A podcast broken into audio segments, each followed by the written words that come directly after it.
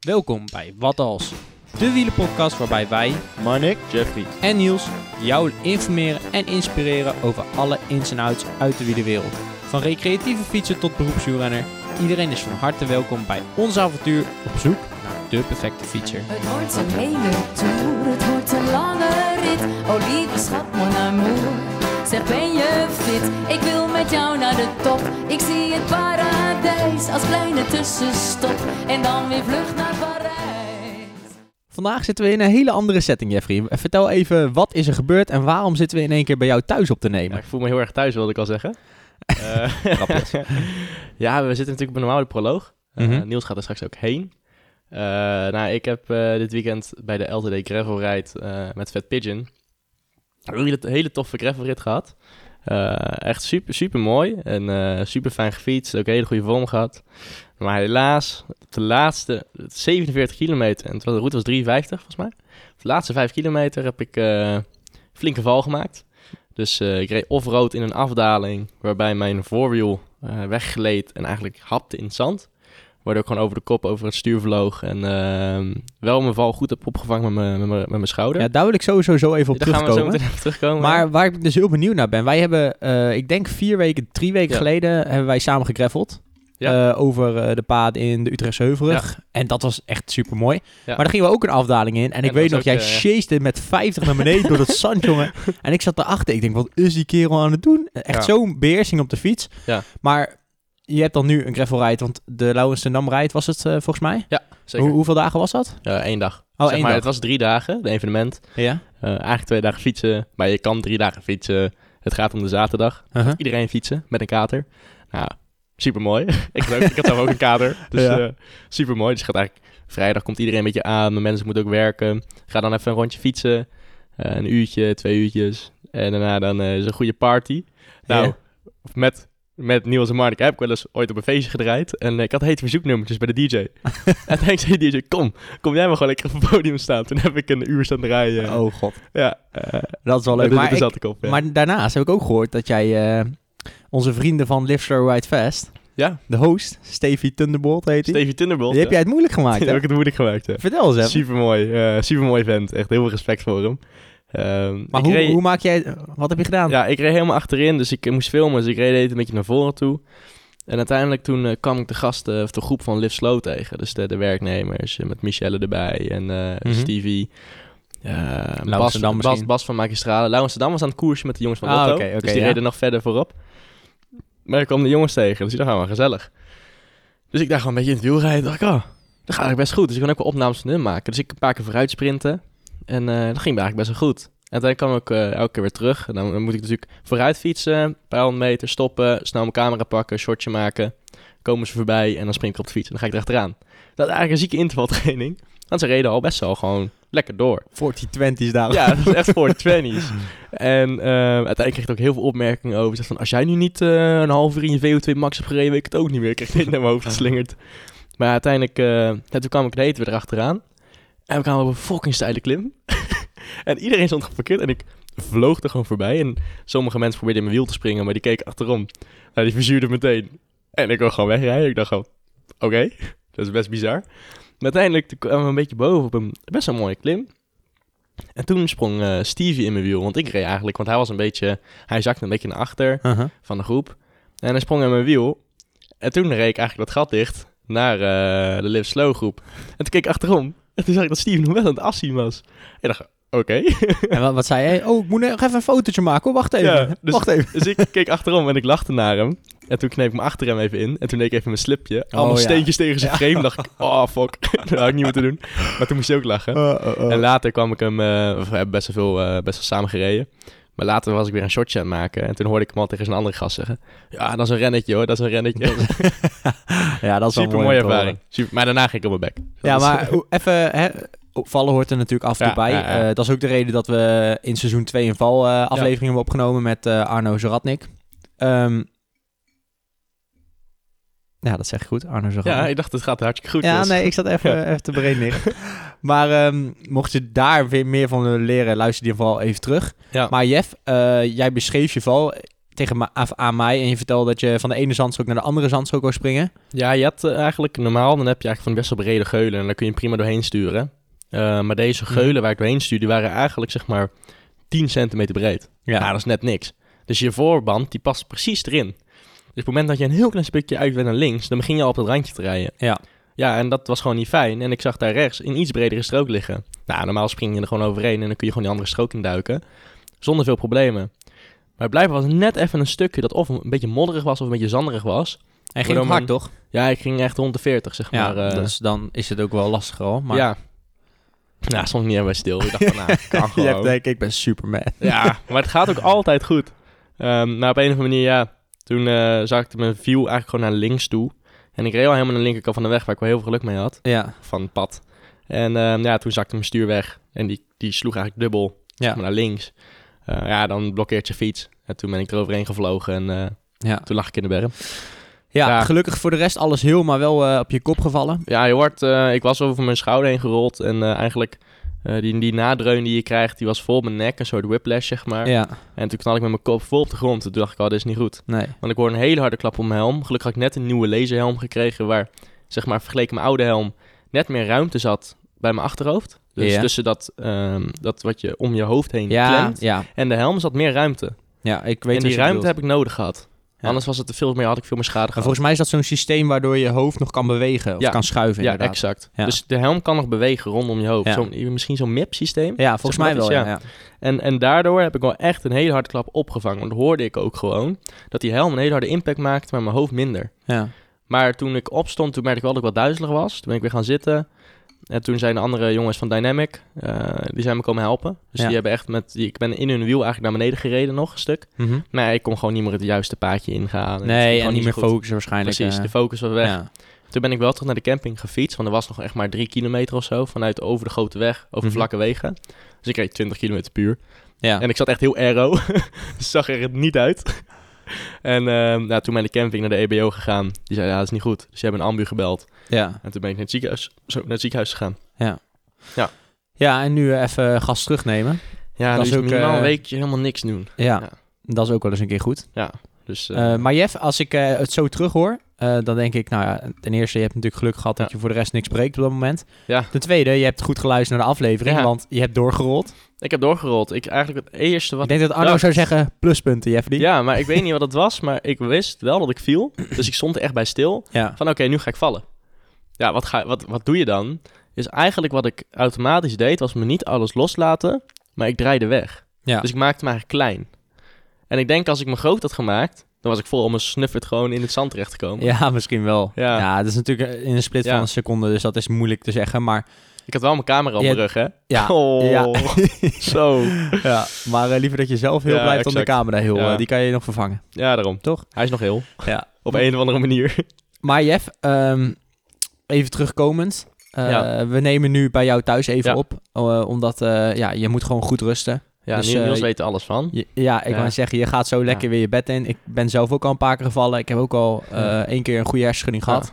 Nou ja, ik kan precies met je meespreken. Felle lichten is niet fijn. Eh, Ja. Weet je, met fietsen, vallen hoort erbij, zeggen ze. Maar een hersenschudding is gewoon heel lastig, omdat je, stel dat je valt en je breekt wat, dan staat daar zes weken voor, bijvoorbeeld.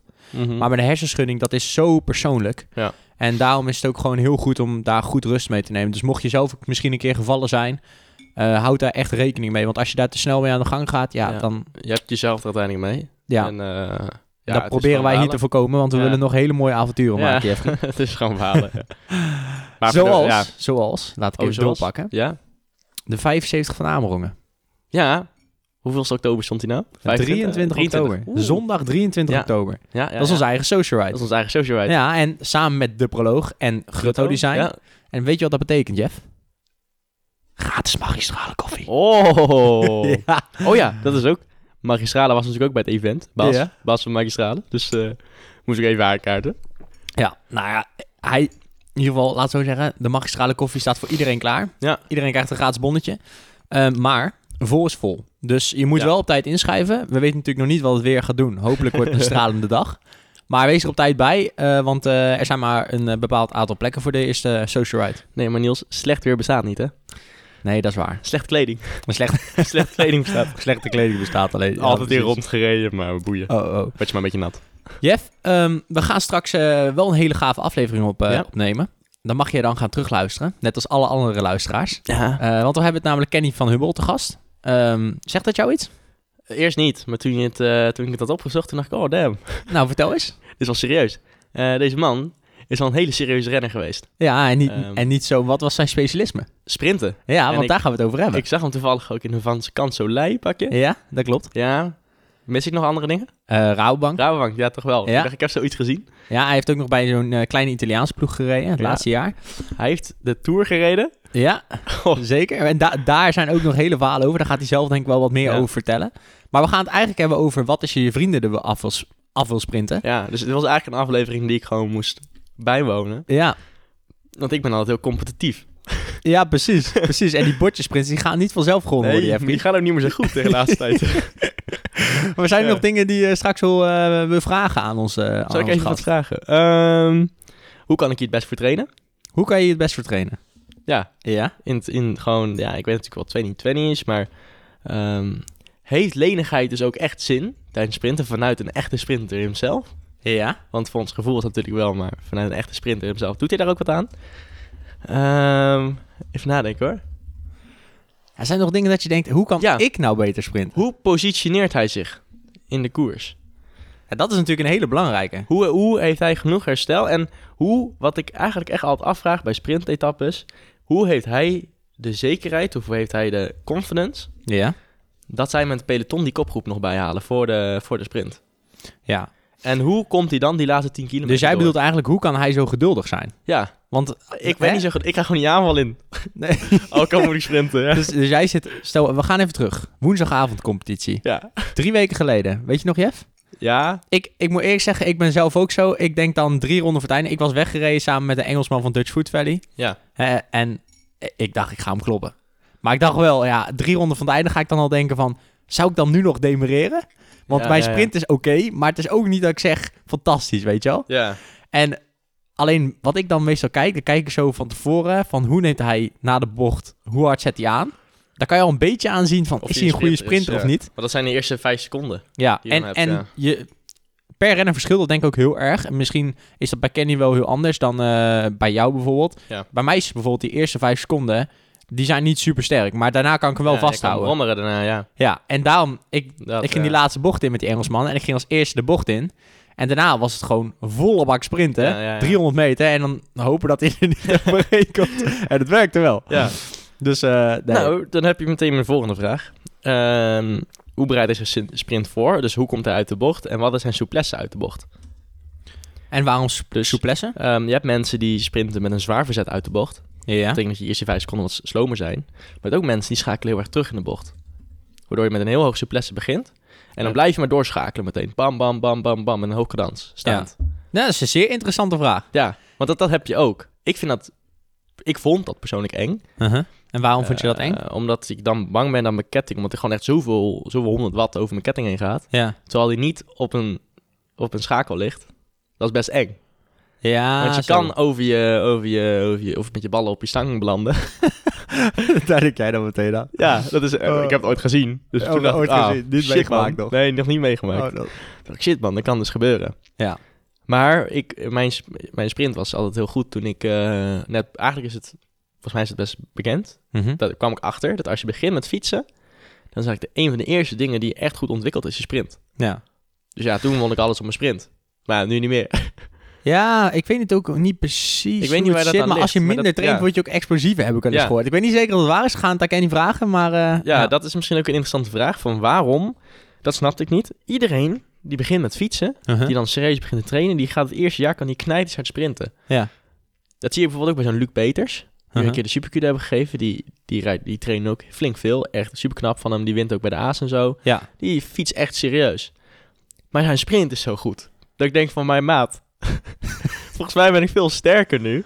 Alleen je sprint is gewoon Mijn ruk. sprint is gewoon ruk. Ja. En ook op zo'n baantje, daar kan ik gewoon niet bijbenen. Maar ik Ja. denk als wij gewoon op de dijk gewoon gaan rammen, dat ik dan wel sterker moet zijn. Ja, maar dit, is, Ja. dit hou je natuurlijk altijd. Ik bedoel, sprinters winnen gewoon Ja. meer wedstrijden dan ik snap het gewoon mensen die met een demarage... Kijk maar, Taco Ja. van de Hoorn. Hoe, hoe vaak wint hij een wedstrijd?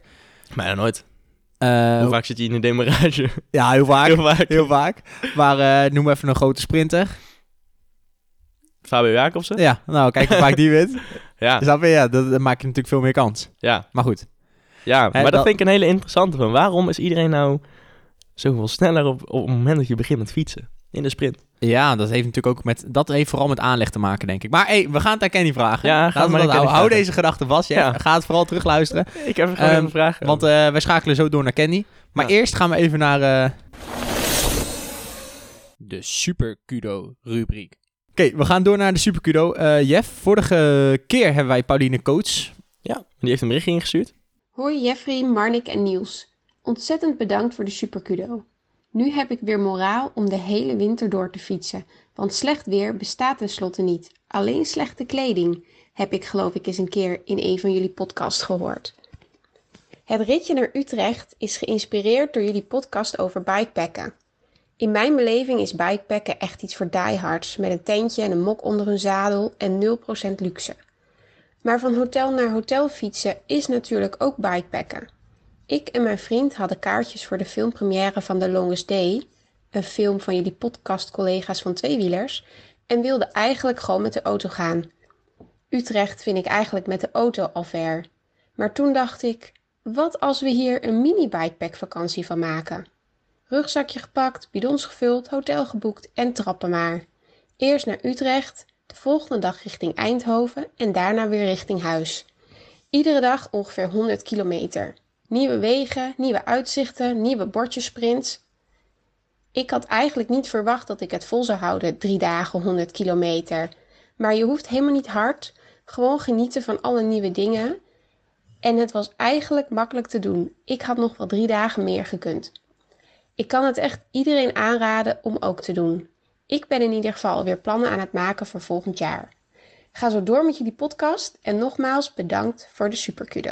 Ja, Paulien die had natuurlijk 100 eh, kilometer gefietst eh, naar Amsterdam.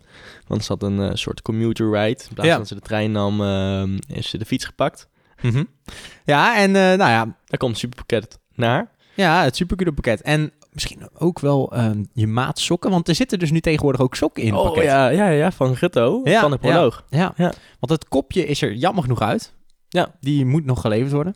Maar, Maar sokken. wel sokken. Ja, Dus eh hey, ik zie het Design een upgrade. Ik vind het echt een upgrade. Oh, ja. het kopje was ook wel heel mooi. ik kopje is ook mooi, Ja, ja. Ja. Benjamin die hem heeft gekregen. Even een leuk, eh, leuk side eh, factje.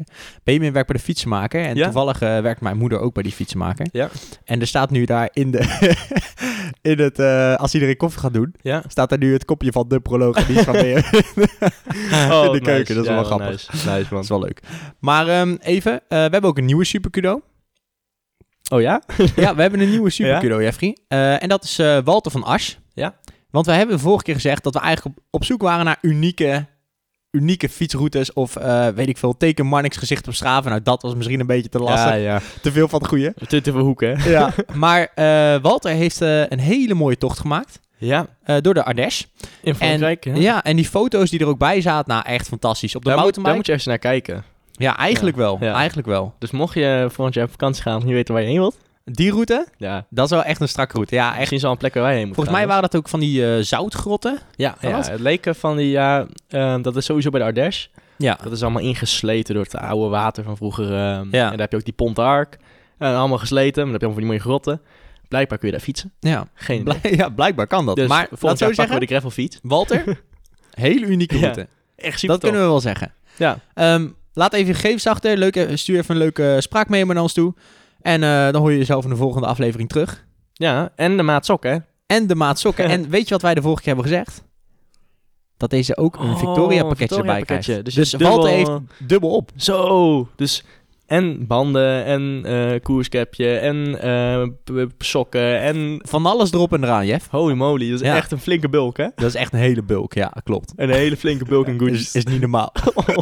Allemaal goodies. Oh, en dit is speciaal ook nog eventjes onze what else Oh, sticker, ja. Dit is gaaf, jongen. Ja, dat is Dit wel is echt gaaf. cool. Walter, gefeliciteerd. Eh, wij gaan door naar de aflevering. Jeff, Ja. ik ga afscheid van jou nemen. Ik eh, ga naar Kenny toe. Ja. En dan gaan we een hele leuke aflevering opnemen. Veel plezier bij Kenny en neem mijn vragen zeker mee. Gaan we zeker Ja, doen. dan Gaan ga we zeker ga ik een dutje doen. Heel goed, Jeff. Slaap lekker. Aju. Wind mee. Bergaf en café in zicht. Een mooi rondje over de Utrechtse Heuvelrug fietsen? Natuurlijk met een koffiestop bij ons favoriete wielencafé onderaan de Amerhoekseberg. De proloog.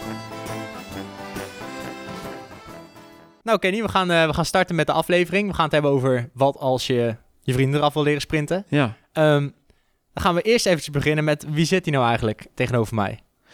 ja, ik ben Kenny van Nummel, 40 jaar. eh, ik, ik- eh, tenminste, ik word vrijdag word ik, eh, word ik 40. Dus 30 Kijk. september, dan word ik 40 jaar oud. Eh, ehm, ja, momenteel ben ik werkzaam voor Shimano als Shimano Service Center coördinator. Voor die tijd heb ik eigenlijk acht jaar als beroepswielrenner eh, mogen acteren. Ehm, vanaf mijn zevende ben ik eh, begonnen met, eh, met fietsen. Mhm. eh, op één categorie na, categorie 1, eh, eigenlijk alle jeugdcategorieën doorlopen. En En dan, mijn vraag is dan, want dan, dan word ik meteen benieuwd. Hoe ben je dan de wielerwereld terechtgekomen? Want ben je via je ouders erin gerold? Of... Ja, door mijn neef eigenlijk. Mijn neef Leo Pelen, die is vroeger eigenlijk altijd wel een hele goede amateur wielrenner geweest. Zelfs een keer eh, op, de, op de Olympische Spelen in eh Seoul in 1988 eh, zilver weten te behalen op de puntenkoers. Ja. En die gekte die er toen ontstond in het dorp waar ik leefde, of ja, waar ik woonde, Mhm. hè, waar Leo ook vandaan kwam, ja, dat, dat inspireerde mij om uiteindelijk ook ja, wielrenner te worden. Ja, en zo ben ik eigenlijk eh, eh, met het wielenvirus eh, ehm, eh, in aanraking gekomen. Ja, En wist je meteen al van dat je een sprinter was? Of, nee. Nou ja, goed, ik weet nog wel, de eerste wedstrijd die ik fietste, dat was in Kampen. Mhm. En categorie 2. Dus was ik echt nog een, uh, een. En eh, ja, uh, wist totaal niet wat ik moest doen in, in de wedstrijd. Maar ja, goed volgen, volgen, volgen. En ik... Nou ja, ik werd vierde in, eh, in het eerste landelijk toernooi die ik fietste. Hè. Dat was Dat de eerste wedstrijd ook. Toen dacht ik, oeh, dat is best goed. Ja. Dus, ehm, nou ja, goed. En dan, dan word je ouder. En op een gegeven moment dan weet je ook, ik hoef niet alleen maar in de... als ik in de kopgroep zit, kan, ik kan me ook sparen. Want als we ons terugpakken, ja, dan kan ik het eigenlijk ook nog afmaken in de sprint. Mhm. Eh, ja, de sprint was wel echt mijn wapen. Dus dat, dat wist ik al vrij snel, ja. Ja. Ja. maar is dat niet heel erg lekker? Ik bedoel, ik weet zelf als wielrenner, ik heb geen sprint. En ik moet altijd demereren. En dan ben ik best wel jaloers op mensen zoals jij die gewoon kunnen wachten. Nou Niels, ik zag jou een paar weken geleden hier eh, met een sprintje tegen een paar wielertoeristen. Ik vond jou nog best wel vinnig hoor. Ja, wielentoeristen, maar dat, eh, dat is wat anders dan echt in de koers. Ja, nee, goed. Ik, het, het, is, het is ook heerlijk. Eh, je hoeft niet per se. Maar mijn vader die gaf mij wel in die jongere jaren wel aan van... probeer wel te koersen, want daar word je ook Ja. sterker van. En eh, alleen maar in, in het wieltje gaan zitten en eh, plakken... en uiteindelijk eh, dan in het sprintje steeds afmaken... Daar, daar word je niet ja, veel beter van. Nee, dat klopt. Dus klopt. ik heb eigenlijk altijd wel, tot de profs, altijd wel gekoerst. Ja. Dus ook in ontsnappingen meegaan. En, maar ja, goed, hè, met de wetenschap die ik had van ik heb een, een goed eindschot. Eh, hoefde ik niet per se eh, de langste beurten te maken in die Nee, kopgroep. precies. Dus precies. dat, de, de, ja goed, dus op die manier eh, heb ik eigenlijk altijd wel gekoerst. Alleen ja, bij de profs dan weet je dat dat je specialiteit is. Daar ben je prof eh, door gewo- geworden. Ja. En dan ga je eigenlijk ook helemaal daarop toeleggen. Dus ook je, je hele trainingsschema met krachttrainingen bij en, en ook je manier van koersen. ja, want nou wordt het interessant. Want kijk, de luisteraar denkt nu waarschijnlijk van... Oké, wat voor training doe je dan? Ja, veel krachttraining. Veel krachttraining. Veel krachttraining. Ik, oh, zelfs in het seizoen eh, Mhm. pakte ik één à twee keer in de week wel ook eh, het krachthonk mee. Ja. En dan waren de series die ik op de benen deed niet heel lang. Uh-huh. Dus korte, korte series met heel veel gewicht. En in het seizoen ook niet heel veel series, maar wel veel gewicht. En om toch ook die spiervezel te blijven prikkelen op, op kracht. En eh, dat smiddags weer eh, omzetten met een snelheidstraining. Dus, ehm, dus achter de brommer. Dus je vertaalde het meteen naar, naar buiten eigenlijk. Ja, wel, wel met een aantal uren tussen. Ja. Hè, want Marijn Zeeman, eh, dat was toen mijn, mijn, mijn coach bij, ehm, ja, bij Skills Shimano destijds. Mhm. Er moest wel een aantal uur tussen zitten voor, voor het herstel van de spieren. En dan s smiddags moest ik dan achter de brommer die, die kracht gaan omzetten in, in de sprints snelheid. op snelheid. Ja. Aha. Oh, dat is wel interessant. Ik moet eerlijk zeggen, kijk, als ik de meeste wielrenners die ik spreek, die doen s- 's winters krachttraining. En die gaan dan, als het zomer wordt, dan stoppen ze in één keer, want Mhm. daar is geen tijd meer voor. ja, zonde eigenlijk, want eigenlijk alle kracht die je in de, in de wintermaanden opbouwt, die neemt heel snel af eh, gedurende het eh, wegseizoen. Ja. Dus als je het dan toch op een bepaalde manier enigszins kan bijhouden in het krachthonk, dan blijf je toch zeker nog wel wat eh, profijt hebben van, van je krachttraining ook. Die, die je goed kan omzetten in het seizoen zelf. Ja.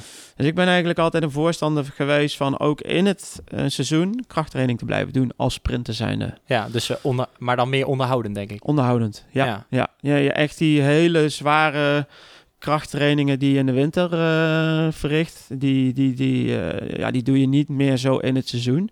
Je hebt wel een paar blokken die je in het seizoen ook wel met krachttraining echt wel eh, fors uitvoert. Maar dat zijn, dat zijn er maar ja, een aantal weken zeg maar in het seizoen. Ja. Waar, de, waar je ook echt de tijd hebt om dat te kunnen doen. Omdat je gewoon in die periode dan minder wedstrijden hebt. Of wedstrijden waar je ja, bij- ja, niet, niet echt er qua conditie hoeft te, of moet staan. zeg Ja, maar. ja, ja, Maar als we dan even terugkijken naar bijvoorbeeld wedstrijden die je hebt gewonnen. Bijvoorbeeld eh, volgens mij de Dutch Food Valley Mhm. Classic. Is dat Ja. toevallig nu de Veenendaal Veenendaal Classic? Ja, klopt. hetzelfde? Ja, die, die is een aantal keren is die gewisseld van namen. Ja, in, ja in, eh, bij de profs blijft hij eigenlijk altijd wel een beetje als Veenendaal Veenendaal eh ja, toch bestaan. wel. Ja, nee, die komt hier vlakbij langs hè, bij de proloog. Ja, klopt. Eh, ja, nou goed, ik kom zelf uit Arnhem, Uh-huh. hè, Husse. Ehm, eh, ja, dan rij je eigenlijk toch wel door je trainingsgebied. Dus Ja. dat, dat heb ik eigenlijk als een, als een thuiswedstrijd altijd ervaren. En eh, over de postbank, daar kwamen er eigenlijk altijd heel veel vrienden, familie en eh, bekenden kijken. Dus ja, dat, dat, dat gaf wel een eh, extra dimensie aan deze wedstrijd. En ja, ik heb alle podiumplekken ook wel weten te bezetten in deze wedstrijd. Dus, Ja, is dat zo? Ja. Welke, welke ja, plek heb je nog meer gehaald daar dan? een keer vijfde, een keer achtste. En ik denk een keer zestiende. En die zestiende plek was toen, toen stond er heel veel wind en was het hondenweer. In Waaiers of... Was eh waaiers en ja, gewoon heel slecht weer. Ehm, en dat was denk ik het laatste jaar dat ik fietste in 2014. Ja. Dus eh, ja, ik heb altijd wel iets eh, gehad met deze koers. Ja. Ja. ja. Maar laten we eens even een beetje teruggaan naar die koers dan. Want dan zit je in die koers. En dan, Jeffrey vroeg zich bijvoorbeeld heel erg af. Dan zit je in die koers en dan moet je gaan wachten. Maar hoe doe je dat nou het beste? Want ben jij dan niet heel erg ge- geprikkeld van... Oké, ik moet wachten, ik moet geduld hebben. Heb je dan heel veel geduld? Of ben jij juist bang van... Shit, straks rijdt er nog wat weg. Nee, maar ik heb een ploeg om me heen. En eh, de, onze ploegtactiek was gewoon, we, laten vier, vijf man eh, lopen. En eh Rabobank gaat ons toch wel helpen. Was toen destijds de ploeg van Graham Brown. Ja. Ehm, en we gaan gewoon in de wedstrijd gaan we zien of dat ze ons gaan helpen. En eh, we gaan gewoon die, die kopgroep gewoon terughalen. En, en dat, ja, dat, nou ja, het klinkt heel arrogant, maar dat deden we ook gewoon zo. ja. Maar je kan jezelf dan op dat moment heel goed koers houden ook. Om, Ja, om niet te gaan demereren of iets geks te doen. Nee, nee, nee, nee, dat denk ik niet aan. Ik, ik, ik vertrouwde gewoon op mijn sprint. En ik, ik was toen in die periode gewoon ijzersterk ook in de sprint. Ik had ook gewoon, mm, ja, in die weken daarvoor een aantal wedstrijden gewonnen. Eh, dus ik, ik had gewoon vertrouwen. Ja. En eh, ja, mijn ding was ook het sprinten. Dus als ik, als ik was gaan demereren, Niels, dan had ik na de tijd had ik dat eh, te horen gekregen van de ploegleider. Dat wel. Dus, ehm, nou ja, goed, eigenlijk dus, is de, de meest stressvolle periode in zo'n wedstrijd is de laatste 15 kilometer. Ja. Dat je ook voelt dat die kopgroep teruggepakt gaat worden. Hè, de, de, het peloton dat eh, nerveus begint te worden. Als sprinter heb je nog wel eens een, een beetje de stress van... als ik maar in die laatste kilometer in de per- perfecte Positie. positie, zit... Hè, om die sprint te kunnen, kunnen aan, eh, aanvangen. En eh, nou ja, goed, die kopgroep, mm, die pakken we wel terug. Daar, Ja. daar heb ik eigenlijk altijd wel vertrouwen in gehad. En een hele enkele, eh, een heel enkel moment wil dat nog wel eens mislopen. Mhm. Dat zie je tegenwoordig wel vaker. Maar toen, ja, we, we hielden gewoon zo'n kopgroep op 2,5 minuut. En, En dat was gewoon goed. En dat was gewoon, die gingen gewoon wat terugpakken. Dus, Dus- nou ja, goed. En als je dan in de straten van Veenendaal... ja, dat... eh, eh, en het, het werd ook een sprint tussen Graham Brown en eh, mijzelf. Uh-huh. Ja, en ik wilde die wedstrijd zo graag winnen. En dat Aan je... moraal lag het niet. Nee, absoluut niet. Hè, dat, dat, je hoeft mij niet te motiveren voor zo'n wedstrijd hier in de buurt. Nee, dat, Dat kan ik dat was ik wel. Ja, Dus eigenlijk het eerste karaktereigenschap is vertrouwen in jezelf hebben. Op Mhm. zo'n moment. exact. Om niet iets geks te doen. En je ploeg? En je ploeg. Dat is natuurlijk ook heel handig. Nou heb je dat als vrienden heb je niet per se een ploeg of een trein. Maar wel vertrouwen in je eigen sprint. Dan heb je het tweede. Want dan had je het over positionering. Ja. Hoe ga je nou best een sprint aan? Waar zet je altijd? Wilde je eigenlijk als laatste aangaan? Of wilde je als eerste aangaan? Of ligt dat echt aan wat voor sprinter je bent? Nou ja, het, het heeft ook een beetje te maken met parcours. Dus je weet wel eh, hè, hoe ver van tevoren ligt nog een bocht. Eh, Mhm. Hoe is de aanloop naar die laatste bocht? En nou weet, nou, nou ja, goed, we wisten wel, omdat we daar een paar rondjes hadden gereden, hoe eh, de laatste, laatste vijf kilometer eigenlijk bewijzen van eh, liep. Liep. En wij wisten gewoon vanaf, eh, nou, ik denk dat er vanaf 2,5 kilometer hadden we nog een, nou ja, een, een rotonde, zeg maar. Die hoefden we niet helemaal over, maar dat was zeg maar een kwart. En vanaf dat moment wisten we gewoon, als we dan naar de laatste bocht, dan hadden we anderhalve kilometer, dat dan, nou ja, we maakten ook een beetje een, een, een mix tussen Rabobank en Skill. Ja. En ik had eigenlijk altijd mijn mannetje voor mij, eh, Tom Velus, ehm, die mij dan de laatste kilometer in eh loodste. En hij had mij eigenlijk al in de laatste kilometer, hij was eigenlijk altijd bij mij. En zelfs daarvoor al, om Uh-huh. mij eventueel nog terug te brengen in positie waar ik wilde komen.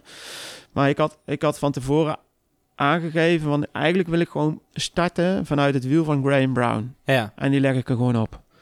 En dat, dat nou ja, Dus klinkt- daar komt dat Klinkt heel arrogant, Niels. en dat is het misschien ook wel. Alleen dat vertrouwen, dat had ik ook echt. Ja. En ik zeg altijd, sp- sprinters zijn wel eh, haantjes.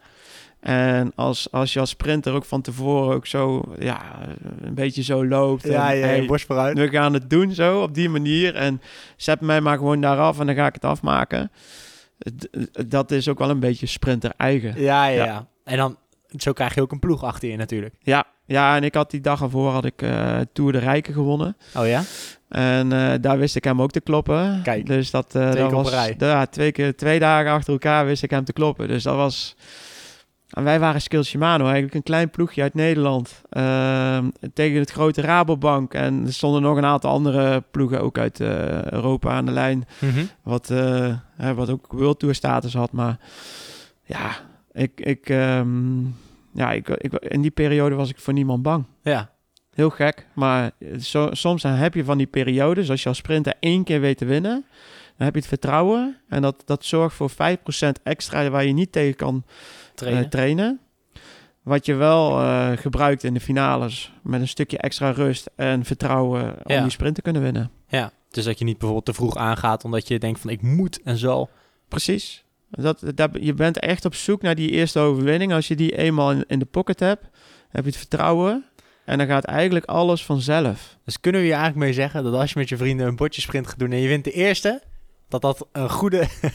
Nou, ik weet niet of dat, ik weet niet of dat, dat bij je vrienden ook zo opgaat, maar ah ja goed, hey, je kan eens een keer een, een vriend eh, vlak voor een sprint dat je net hem passeert en hem eh, vastzet op het kantje. en dat hij eigenlijk niet de sprint kan aangaan omdat hij aan de verkeerde kant van, van jouw wiel zit en niet om jou heen kan. Dan heb jij eigenlijk de, het voordeel, voordeel. Om, om, om zelf te kunnen kiezen. Ga ik nu hè, ga ik op 100 meter aan of ga ik op 50 meter aan? Want hij kan jou toch niet passeren. Dus je bent dan zwaar in het voordeel. dus dat is sowieso nog een ander. Dus eigenlijk is dat het, eh, een, een wapen die je zou kunnen eh, aanhouden. Hè, als, je twee, als je met drie man gaat fietsen, of met vier man, ik noem maar even wat. Uh-huh. Dan zet je de sterkste sprinter zet je op die manier klem. En die andere die moet je gewoon in de gaten houden. Van wanneer denk je dat zij aangaan. Uh-huh. En daar, en daar stem je dan eigenlijk een beetje de, de sprint op af. Maar diegene die eigenlijk rap is, die, die zou je heel eh, sneaky kunnen vastzetten. Precies, precies. En wat, hoe ga je dan met beentempo bijvoorbeeld? Want sommige jongens die, die leggen een hele hoge kans Hm. om misschien de versnelling beter door te kunnen Het voeren. ligt een beetje aan de snelheid waarop je start. Dus als je Mhm. bijvoorbeeld 30 km per uur rijdt, dan, moet je niet op 54, 11 gaan starten. Want dan, ben, dan duurt het heel lang voordat je op snelheid bent. Ja. Dus dan schakel je toch een, een lichtere versnelling. Dat je eh, vanuit een eh, beentempo van, eh, ik zeg maar even wat, eh 90 omwentelingen kan starten. Ja. En dan kun je gedurende de sprint, zou je kunnen bijschakelen. En dan bijschakelen als je echt op 110 zit of misschien 120 ja, wel. precies. Ja, ja. Maar ga jij van een, eh, ga je starten vanuit een snelheid van 45 km, eh 45 km per uur, Mhm. ja, dan zou je achterin nog twee. eh, ik, ja, ik leg het maar even zo uit, want iedereen heeft een andere versnelling op zijn fiets. Ja. Eh, dan zou je nog twee tandjes over kunnen houden om nog bij te kunnen schakelen tijdens die sprint. Ja.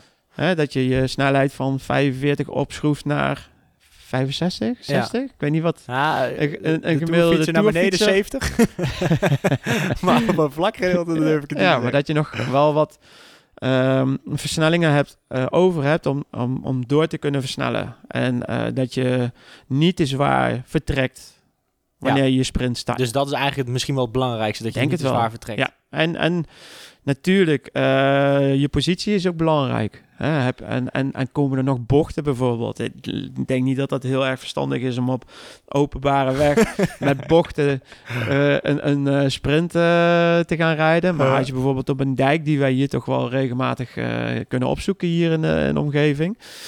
Ja, dan zou ik ook wel een beetje de positionering afstemmen op, op, op, op, ja, Hoe, hoe ver je nog moet. op je tegenstanders. Ja, ja precies. Oké, oké. En we hadden het net over krachttraining. Eh, hoe lenig was je dan bijvoorbeeld? Want we hebben hiervoor een aflevering opgenomen over lenigheid, hoe dat kan helpen met fietsen.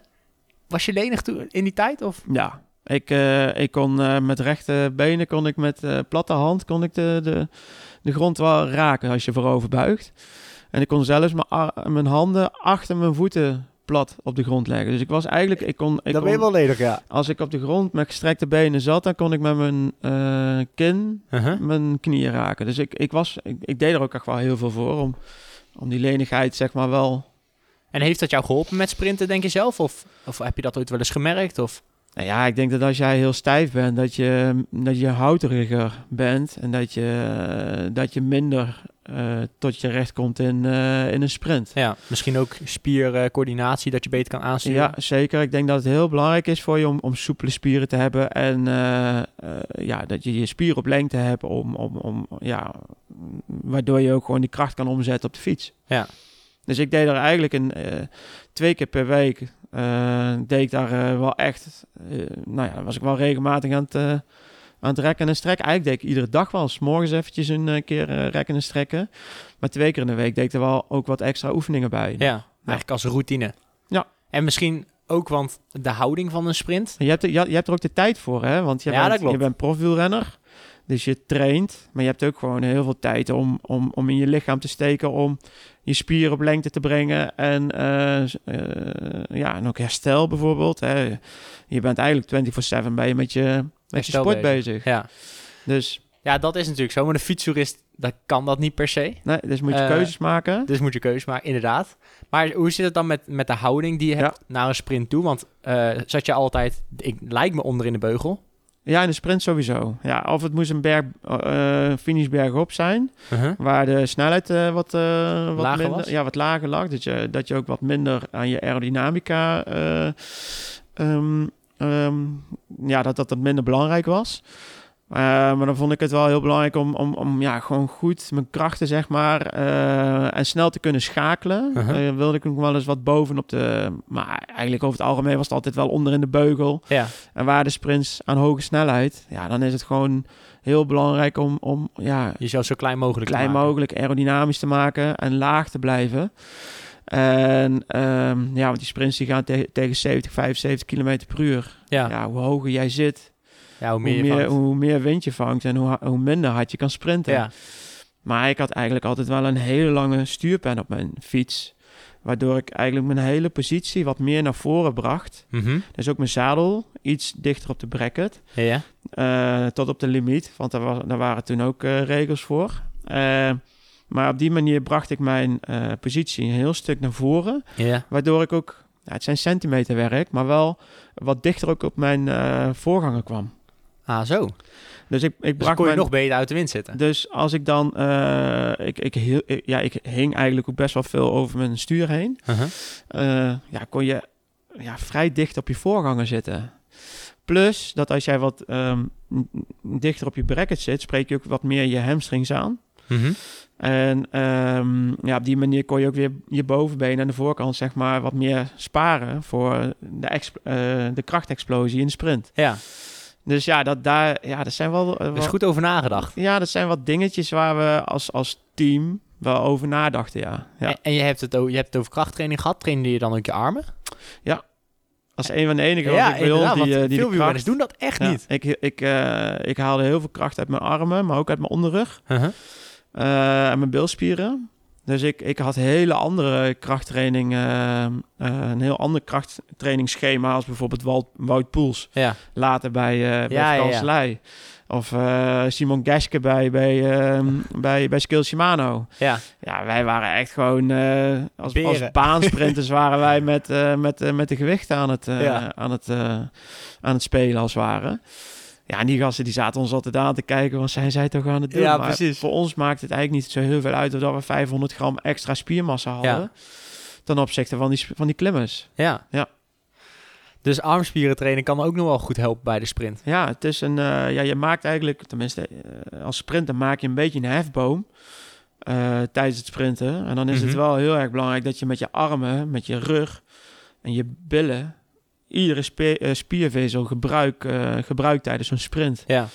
En het is ook heel belangrijk om die, al die spiervezels gewoon in, eh, tijdens die inspanning te activeren. Dat Ja. je ze allemaal kan gebruiken. Ja, en dat helpt natuurlijk ook aan de, met de lenigheid. Misschien je wel rekker straks voor de wedstrijd. Ja. Dat je die ook even activeert. Ja. Hè, opwarmt. eh, en dan kan je uiteindelijk in de sprint net weer iets meer aansturen Mhm. dan normaal. Ja. En kijk, Marnik die zal nu waarschijnlijk luisteren. En die zal zeggen, ja, hartstikke leuk en aardig. Maar wat is dan een shortcut day bijvoorbeeld op je helm eh, een, eh, iets dicht plakken om meer aerodynamisch te zijn? Of, ja, eh, dat deed ik ook. Wij, eh, dat, dat- wat, toen hadden we nog niet echt dichte helmen. Uh-huh. En ik heb toen bij een, eh, bij een helmen, helmenfabrikant heb ik, eh, gevraagd om een helm Ja? eh, met een eh, shell eroverheen. En eh, noem, je- hoe noem je dat in het Nederlands? Een, eh, ja, zo'n plastic hoes een erover. plastic hoesje eroverheen om de gaten daarin niet eh, uit te, te, Ja, ik, ik te weet knippen als het ware, Ja. zeg maar. Om die dicht te houden. Dus ik heb een van de enige... eh, in het begin had ik een helm zonder Uh-huh. gaten. En ik was ook een van de eerste die met een eh, snel pak fietste. Ja, En dan maakte ik van de rugnummers maakte ik, eh, zakjes waar ik mijn proviant in kon stoppen. aha. Ik weet nog goed dat op een gegeven moment eh eh, Nicky Terpstra naar me toe eh, kwam van... Wat ga jij dan doen? Ga je tijdrit vandaag fietsen? en nou ja, kijk hoe hij er nu de laatste Ja, jaren ja, zelf bij fiets. Hij, bij fiets, hij, hij, rijdt, hij reed eigenlijk altijd met een soort van aeropak. Ja. Dus ja, we- ik was daar wel mee bezig. Ja. Ik, Maar dat, dat, hoeveel, weet je ook hoeveel er zoiets scheelt? Of, ja, nou goed, je weet een beetje de, de, de uitslagen van, hè, die we hadden met windtunneltesten en zo. Oh, Dus ja? ja, die, die, die, die uitslagen wist ik wel. Maar ja, ik dacht van, ik, ik trek gewoon zo'n pak ook op de weg aan. Ja, En ik deed het gewoon. ja. En wat een ander daarvan vond, dan had Moet ik eigenlijk... zelf weten. Ja, daar had ik lak aan. Ja. Ja. Nee, maar dan wel leuk dat je dan al zo vroeg daar eigenlijk mee bezig was. Want nu is dat natuurlijk heel erg eh, een trend. Of trend, dat is gewoon gaande. Het is bewezen ook dat het sneller is. Dus ja, Ja. Dat, dat als, als, als het bewijs is, dan gaat iedereen overstag. Dat is zeker waar, dat is zeker waar. En- maar en het is, je, je mist al een stukje comfort, want je transpireert misschien wel een stukje meer. ja, En wat ik ook wel vaak deed, was gewoon... eh, dan startte ik in het, in het begin met een eh, gewoon shirtje erover eh, aan. Mhm.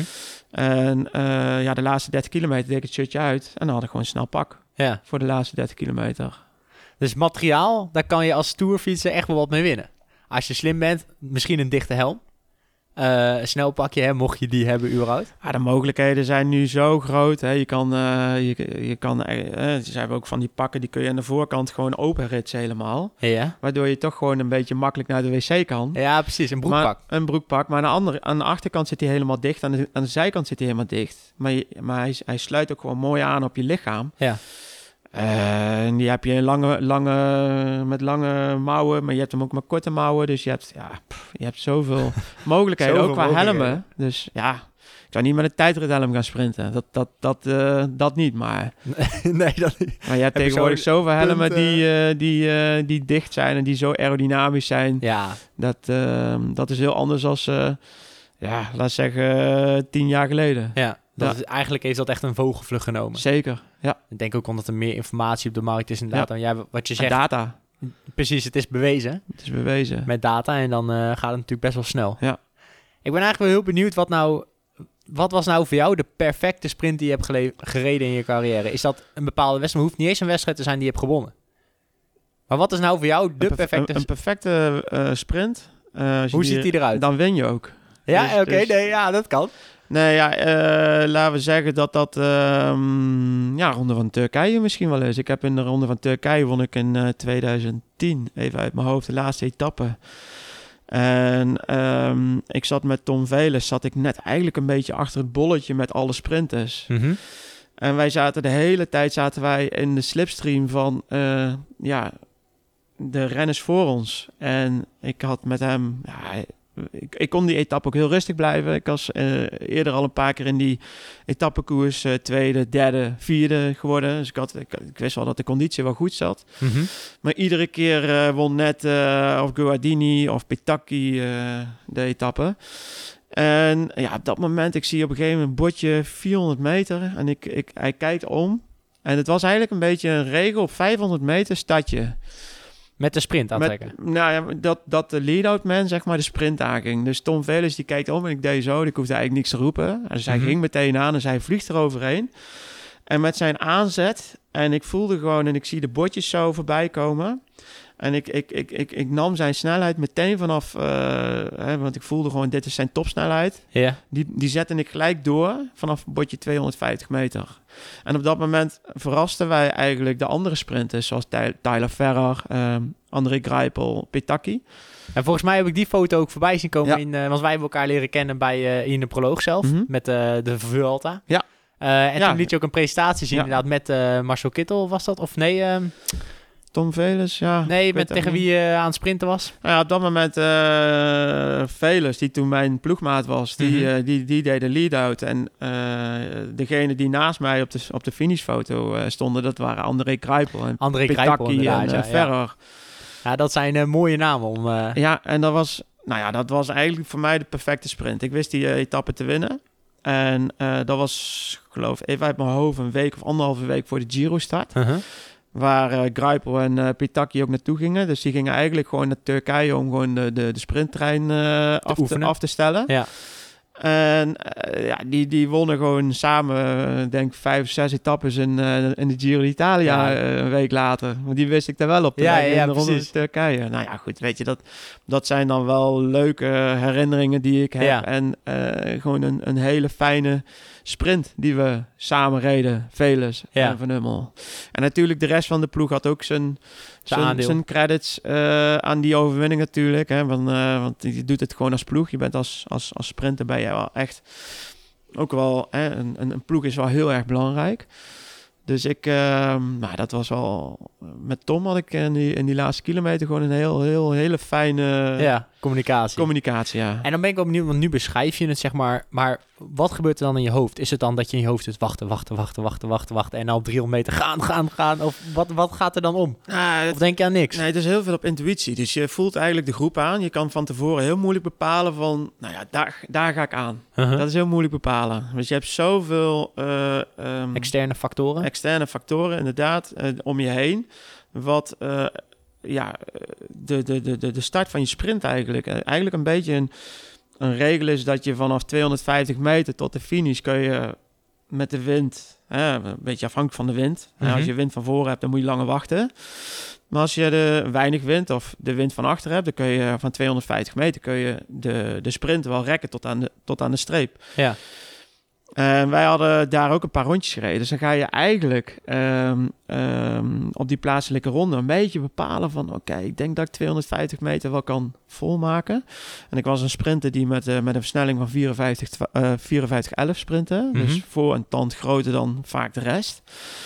En ehm, ja, wij bleven gewoon... nou Ja, dat kwam eigenlijk ook zo uit. We kwamen een keer in het gedrang en het voelde daar zo comfortabel dat ik met hem...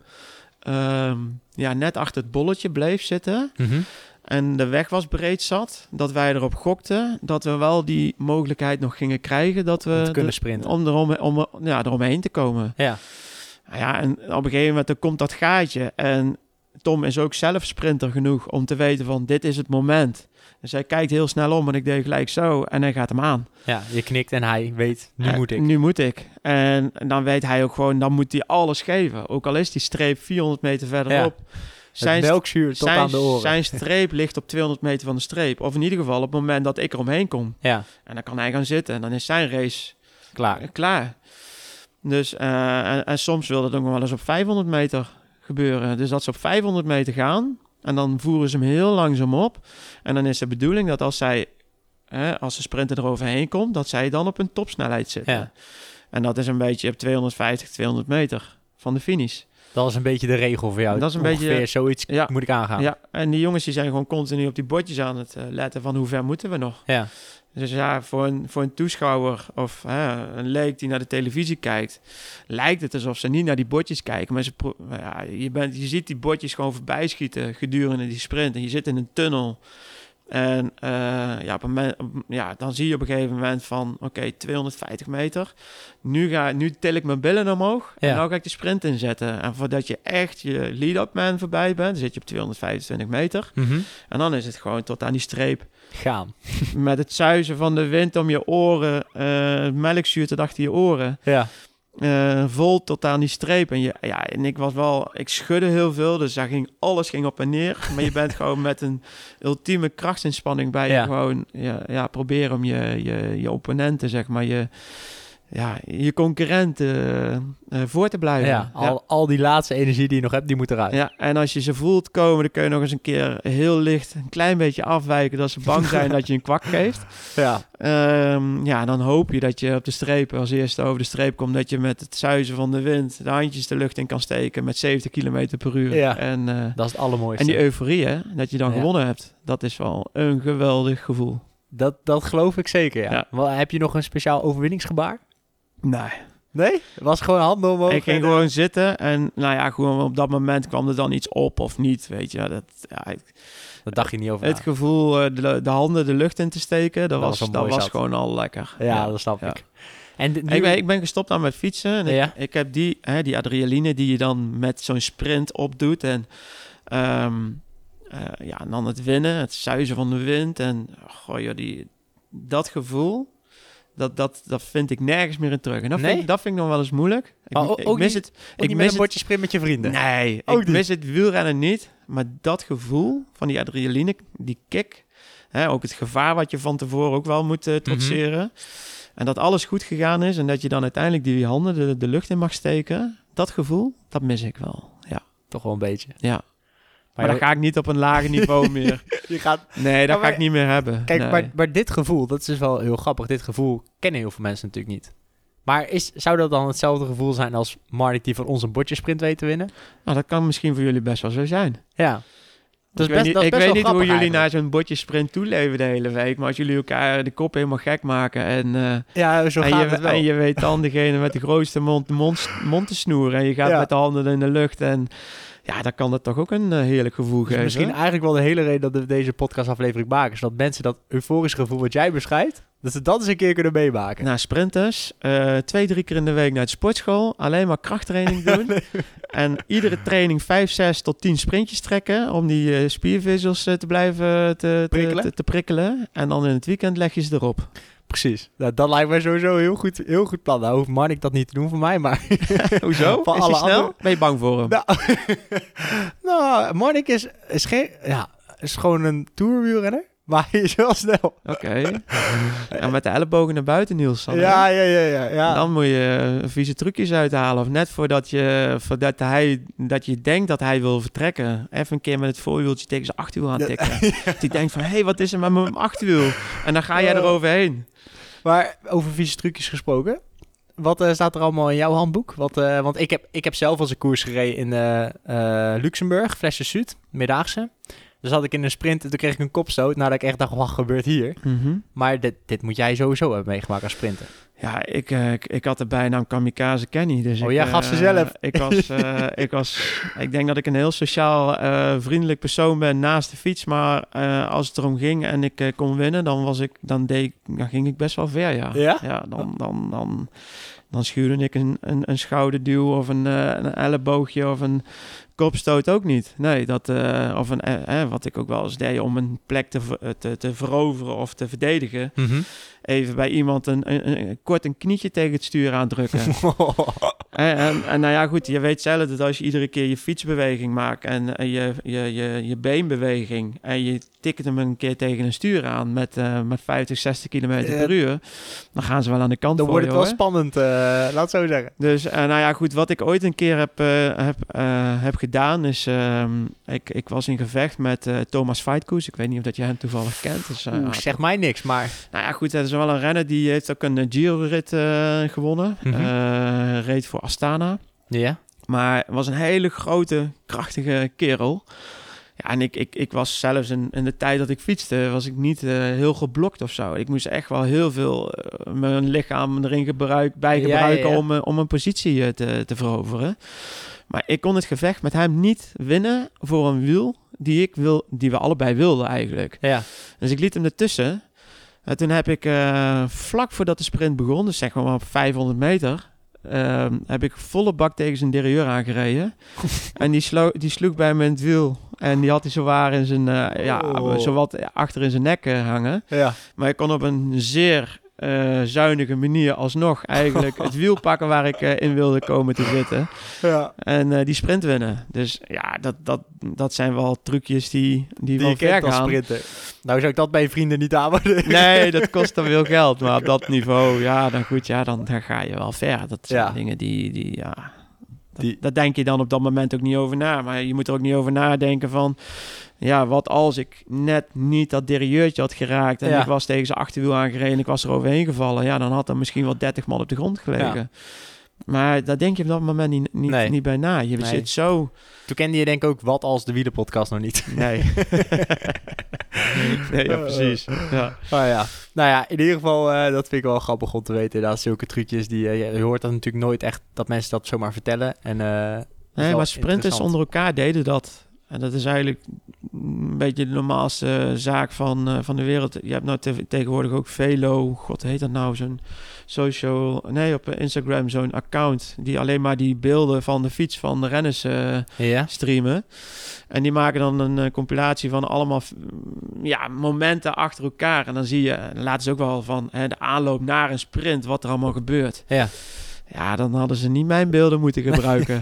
Want dan, hè, tegenwoordig hebben ze vanuit iedere hoek hebben ze een camera staan. Ah, Velon bedoel je In. Velon, ja. Ja. ja. En ehm, ik denk dat ik dan nog wel wat extra disqualificaties achter mijn naam had gehad, ja. Oh, ja oh. maar goed, dat, dat hoort ook een beetje bij de tijd, denk ik. Ja. Tegenwoordig zijn die sprints ook misschien wel anders. En Netter, vind je? Of?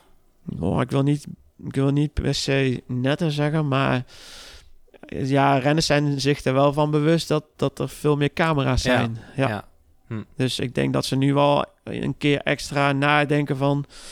ga ik een keer een handje van het stuur afhalen... Of ga ik Ja. een kopstootje uitdelen, wel of niet. Ja.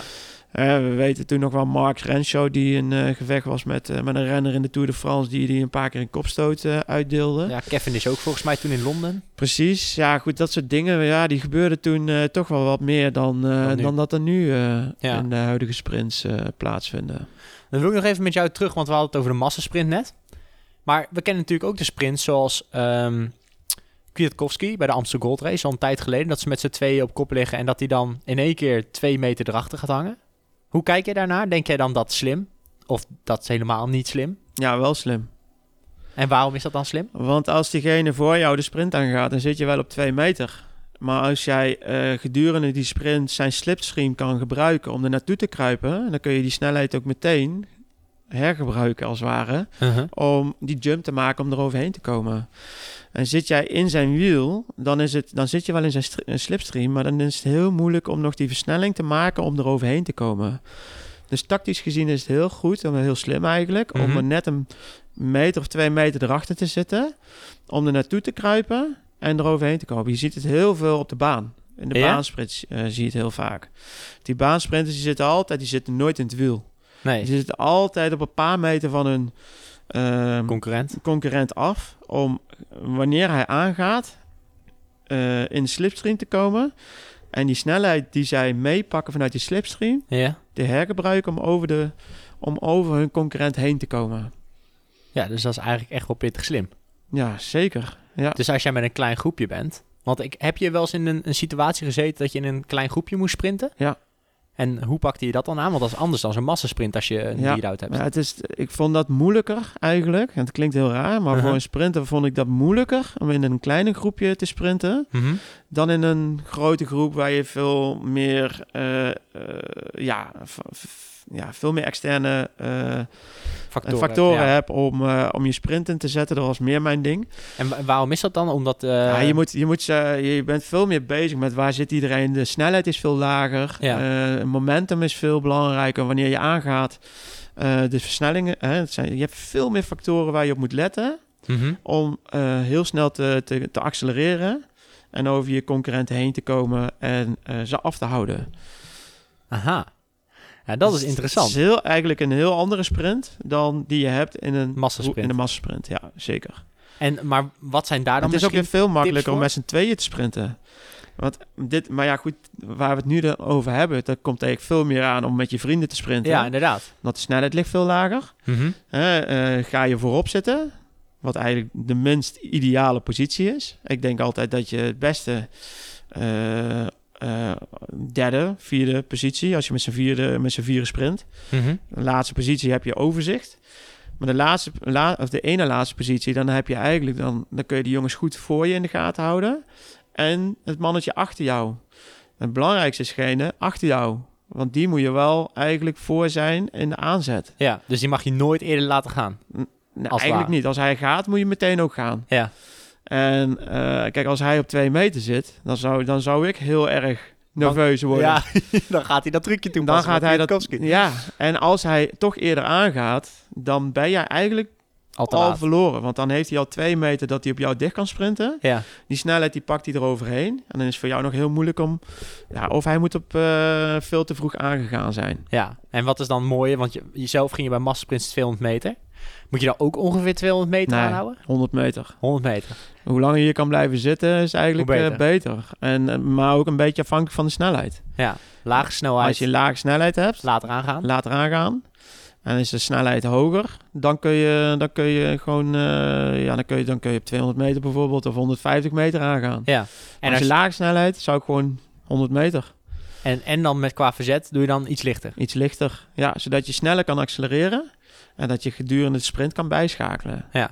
Kijk, en op, op hogere snelheid, dan, dan sta je zwaarder qua versnelling. Mhm. En dan, dan, ja, dan één, één of twee keer bijschakelen in zo'n sprint is eigenlijk voldoende. Ja. Interessant. Dit, kijk, dit is al voor de luisteraar ook een stuk meer zeg maar, naar hun eh, geval toe, zeg maar. Van Mhm. hoe kan ik dat dan toepassen? En nu Ja. zitten waarschijnlijk mensen van, oké, volgende keer zit ik derde wiel. Ja. En niet eh, als allerlaatste, of ik doe dat trucje, want dat is Ja, natuurlijk wel de erg leuk. vierde positie, dan kun je ze echt wel stuipen op het lijf jagen. Als jij op twee meter erachter gaat zitten, dan worden ze echt nerveus. Dus ik denk dat, dat als je dat doet en die eerste twee, die denken, jeetje, hij zit er een heel stuk achter, dan ja, die worden echt nerveus. ja. Waardoor je ze misschien ook uit de tent kan lokken om te vroeg aan te zetten. Ja, Dan wordt het alleen maar makkelijker voor jou. want houden ze toch niet vol Nee, uiteindelijk. dat houden ze niet vol dan. Maar dan heb je eigenlijk de enige die je dan in de gaten moet houden, is die derde man. Ja, Die alleen maar met jou bezig is. precies. En als hij, ja, als je hem, hem kun je eigenlijk alleen maar verrassen. Als je hem, als hij één keer naar voren kijkt om, om te kijken naar die jongens voor ze, of dat ze aangaan. Dat moment dat hij wegkijkt naar voren, Dan moet je gaan. heb je één, anderhalve seconde de tijd om hem eigenlijk te verrassen. Ja, En veel meer snelheid te pakken ten opzichte van hem, om toch dat bordje eh, dus eh te winnen. Marnik hoort het nu, die gaat niet op de laatste positie mogen zitten voor mij. nee, maar dit, dit is echt heel erg interessant. Dit zijn echt tips. en dan natuurlijk even je helm afplakken, mocht die open zijn. Ja, zeker. Ik zou dat bij jullie zeker doen. A- Alles afplakken. Ja. Mooie overschoenen aan en zo. Overschoentjes, eh, over, eh, botjes, zoals ze dat in, eh, in, eh, in België noemen. Ja, en aero eh, handschoentjes en Alles erop en eraan. alles erop en eraan. Benen insmeren Oh ja, helpt en dat? gaan. Helpt benen insmeren?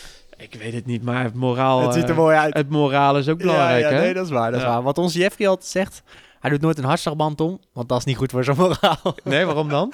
ja, dan is hij bang dat hij te hoge hartslag heeft. Oh, En dan wil kun hij je afplakken, hè? Ja, nee, oké. Alle piepjes uitzetten. Dat is waar, dat is waar. Maar het is wel interessant, wat een nog eens hartslag... naar? Ja, i- in de wedstrijd fietste ik het liefst niet met de hartslag. Mhm. eh, of wattage. Eh, maar ik had eigenlijk altijd, eh, of te- tenminste, ik had wel vaak wel een eh, hartslagmeter om. Ja. Maar ehm, op, op mijn SRM die had ik er liever niet op. Ja, de wattage toen. De wattages en zo. Ja, dat, dat geloofde ik wel. Dat is alleen maar afleiding ook, denk ik. Ja, ik had zoiets. Ja, weet je, wat, wat voor mij belangrijk was, dat ik wist hoeveel kilometer ik nog moest fietsen. Ja. En, ja, dat, tegenwoordig gebruiken ze alle data.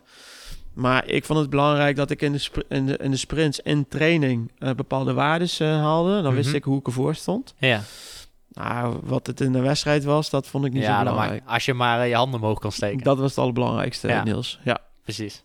Voor die euforie. Ja. Eh Marnik had nog een vraag. En dat ging over eh, het duurvermogen en het ex- de explosiviteit. Ja. En stel nou dat je met je vrienden gaat 60 kilometer rijden. Ehm, je wilt natuurlijk dat duurvermogen trainen. Maar je wil ook snel zijn. Ja. En je, je gaf aan een paar sprintjes in de training is sowieso goed. Ja. Hè, om die vezels aan te spreken. Ja. Maar wat is, hoe kan je nou daar de beste balans in vinden? Goh, dat is wel een hele moeilijke balans. Want je kan eh, eh, voor een sprinter eh, is het heel erg belangrijk om wel je duurvermogen goed te hebben. Maar voor een sprinter eigenlijk is het heel belangrijk dat hij explosief blijft. Dus eh, voor een sprinter, eh, die zou veel meer eh, explosieve trainingen doen. En hoge snelheidstrainingen, zoals achter de brommen en zo Mhm. trainen. dan dat hij continu maar die, dat duurvermogen aan het trainen is. Ja. Want daar word je eigenlijk traag van, hè? Ja. En wat wij deden in de wedstrijden, wa- waarvan ik wist dat het een sprint ging worden, dan nam ik eigenlijk altijd een aminozuur van tevoren, zodat ik eerst mijn, mijn, mijn vetverbranding ging stimuleren. ja? Zodat ik in de finale, en ook in de finale wat extra suikers ook toe, tot me nam, zodat Mhm. ik echt in die finales mijn suiker eh, Ja. aan kon Oké, spreken. dus jij ging vooral heel erg kijken naar je voeding op Mhm. dat moment. Ja. En qua trainen, Qua trainen, ja goed, dat... Ja, train je dan gewoon minder vaak lange afstanden? eh, ja, ja, zeker. Ik, tra ik trainde wat minder eh, lang. Ik deed wel, één keer in de week. Mhm. Soms twee keer in de week, een beetje ook afhankelijk van het trainingsschema. Ja. Maar met name eigenlijk die, die explosieve trainingen en eh, hoge snelheidstrainingen waren voor mij heel, heel, heel erg belangrijk. ja, daar legde je de focus op. daar legde ik de focus op, ja. En, en de krachttraining. Ja, en de armspieren, En de armspieren. die waren ook belangrijk. ja, dat is eh, wel een beetje het complete plaatje wat, wat, wat voor een sprinter belangrijk is. Ja. Per renner, per specialiteit, heeft hij een ander schema. Ja. Dat kun je, ja, dat is, ja, of je moet Wout van Aert heten. Ja, oh, Die kan alles. ja, precies. En die, die, die, die eh, ja, dat zijn jongens die zijn uitzonderlijk. Dus er zijn er maar een paar van die, eh, Die dat kunnen die dat kunnen. Maar tenminste, ik denk dat hij de enige is die zowel kan tijdrijden, sprinten als klimmen. Ja. En op welk terrein hij, eh, ja goed, maar ja, qua gewicht. Over het algemeen eh, is het zo. Dat ja, je, ja dus dat je echt keuzes moet maken op, Ja. op gebied van trainen, ja. Ja. En voeding. Nou, dan gaan we door naar eh, de conclusie. Precies. Want wat is nou precies de conclusie van het verhaal? Als je als luisteraar hier naar luistert, eh, je wil je vrienden eraf gaan sprinten. Nou, ik zou niet per se aanbevelen dat ze denk ik zo'n aminozuur moeten nemen. Ehm, maar wat kunnen ze nou wel doen? Wat zijn nou wel die tips en tricks? Nou ja, goed, als jij op zondag met je vrienden het bordjesprint eh wil winnen, hè, en je fietst door de week ook, probeer dan ook gewoon vijf à zes keer een sprintje voor jezelf te rijden. En je kan van jezelf kun je ook wel een beetje inbeelden dat er eh, andere renners om je heen fietsen. Mhm. En eh, dat je die momenten ook gebruikt op het moment dat het moet gebeuren. Als Ja. je echt dat bordjesprint, de bordjesprint wil winnen. Ehm, dus een aantal keer zelf die sprints rijden. Op lage versnelling, eh, lage versnelling, maar ook op grote versnellingen. Dus op zwaardere versnellingen. op- verschillende snelheden. Ehm, dat daar ga je zeker eh, profijt van hebben als je op zondag eh, Mhm. die sprints gaat rijden. Maar ook je positionering. Ik denk dat dat eh, misschien nog wel het belangrijkste is van, van dit hele verhaal. Ja, want als jij die trainingen doet en je begint op kop, dan ben je misschien nog steeds gezien. Ja, daar ben je de klos. Dan ben je te klos. Tenminste, of die, die drie achter jou, die kunnen gewoon totaal niet sprinten. Nee, en dat zijn strijkijzers. Eh, ehm, dat, ehm, Ho- Hoor ik je nou al een wielerterm voorbij komen? dat is een wielenterm, ja. Oké, dan gaan we zo naartoe. Dus eh, misschien moet je die maar eh, eh, extra noteren in het lijstje Ja, als die ja, er nog ja, niet ja. tussen staan, staat. Maar kijk, dan kun je best van, van kop af aan beginnen. Maar ik denk dat jouw positionering... Ja, kijk, als, het, als je met z'n tien, met met z'n tienen bent, dan moet je niet als tiende gaan beginnen. Nee. Dan zit je te ver. Maar zit je als vijfde of zesde in zo'n groep, dan zit je wel, dan zit je redelijk goed. Dan heb je de controle Dan heb en je dan de weet je controle. ook wanneer je zelf aan kan gaan. Ja, exact. Ja, Oké, dus we hebben dan eh, positionering. Ja. Het vertrouwen hebben we het over gehad. zeker. Dus het vertrouwen in jezelf hebben. Het liefst het eerste sprintje winnen, want dat is bij, beter voor de volgende bordjes die Mhm. eraan komen. Ja, of, of dat is een leermoment, dat je dan daarna kan schakelen, dat je wel weet waar je moet gaan zitten. Zo kun je hem ook nog zien inderdaad. Ehm, en dan hebben we denk ik nog eh, de snelheid waarmee je op aangaat. Mhm. Dus snelheid Versnelling, laag. versnelling dus. Eh, de versnelling inderdaad, wie daarbij komt kijken. Mhm. Ehm, mis ik dan nog dingen? Nou, ik denk dat we... De helm afplakken. Ja. De helm kleding erop afstemmen. Ja, precies. De kleding erop afstemmen. Ja. En dan eh, de armspieren trainen in de Ja. sportschool. ja, en eh hoge velgen erin, hè? Ogen, ja? Voor, voor het morale. Ja, precies. Ja. Alles voor het moraal. Eh, voor Jeff ook geen hartslagmeter om dan. En dan eh, Ja. kun je gaan. Dan kun je gaan. De wielertermpjes rubriek. Want we hoorden net al een wielerterm langskomen. Ik weet niet of dat, dat degene is die je hebt meegenomen. Nee, eigenlijk niet. Ik had, eh, ik had op het kantje had ik meegenomen. Ik denk dat eh, de, de renners die, eh, die wedstrijden rijden en, en waaiers hebben gefietst, dat ze heel goed weten wat het kantje betekent. Daar wil je eigenlijk niet terechtkomen.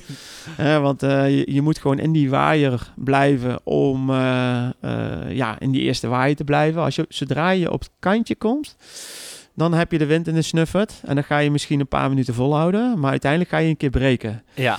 Dus het kantje, daar moet je niet op komen te zitten. En in deze aflevering hebben we het ook al gehad op iemand op het kantje zetten met een sprint. Mhm. Misschien kunnen we hem daar wel een beetje naartoe Ja, daar kunnen we misschien wel een beetje aan, aan linken. Hè? Dat, eh, dat je iemand klem zet op het kantje. Zodat hij niet de mogelijkheid heeft om de sprint in te zetten. Precies. Maar wat, ja, die we net eigenlijk ook hadden, een strijkijzer, dat, dat zeggen we wel vaker eh, in, het, eh, in het peloton. Van, dat zijn jongens die kunnen totaal niet sprinten. Als die de kont optillen, nou, dan kan een sprinter eigenlijk gewoon in zijn- in zijn zadel Ja. nog versnellen. Dan wint hij nog heel gemakkelijk het sprintje. sprint. Dus een strijkijzer is gewoon iemand die totaal niet kan sprinten. Dus deze aflevering is strijkijzer de wielerterm. Ja, laten we het daar maar op houden. Het kantje is ook, ik vind het kantje ook altijd wel leuk. Ja, hij, hij is wel En die hadden mooi. jullie ook nog niet in het lijstje Dus dat is, staan. dat is de geheime Dus misschien heb techniek, ik... denk De ik. strijkijzer is misschien eh, de, die het meest eh, aansluit in, eh, in, in deze uitzending. En het kantje, ja, dat is gewoon een bonus dan voor jullie. Precies, die krijgen ze er gratis bij. nou, Kenny, dan willen we jou hartstikke hard bedanken dat je aanwezig wilde zijn. Graag gedaan, ik vond het hartstikke leuk. Gelukkig, gelukkig. De, eh, een keer een andere insteek dan eh, misschien wat je normaal eh, over praat. Nee, ik vond het zo gezellig, leuk. En eh, nu gaan we een biertje drinken, Niels, toch? Lijkt me een heel goed plan. Lijkt me een heel goed plan. Leuk dat je luisterde naar Wat Als, de Wielenpodcast. Wil je meer afleveringen luisteren? Op zoek naar de perfecte fietser? Abonneer dan nu via Spotify, iTunes of jouw favoriete podcast app, zodat je geen aflevering meer mist. Of wil je kans maken op de Super Kudo? Word dan nu lid van onze club. Wat Als, de Wielenpodcast op Strava. Ken jij meer wielerliefhebbers die deze aflevering absoluut niet mogen missen? Deel hem dan of laat een review achter, zodat ook andere wielerliefhebbers ons weten te vinden. Het liefst natuurlijk met 5 sterren. Sluit je nu aan bij ons peloton en stuur jouw stelling vandaag nog op. Via Instagram, wat als de wielenpodcast of via de mail wat de podcast of stuur een audiobericht naar ons telefoonnummer 06 82 61 24 19. Tot slot bedanken we ook Ellette Namme voor haar fantastische stem. Nogmaals bedankt voor het luisteren en hopelijk tot de volgende aflevering. Alles wacht op jou, op de En ik ga.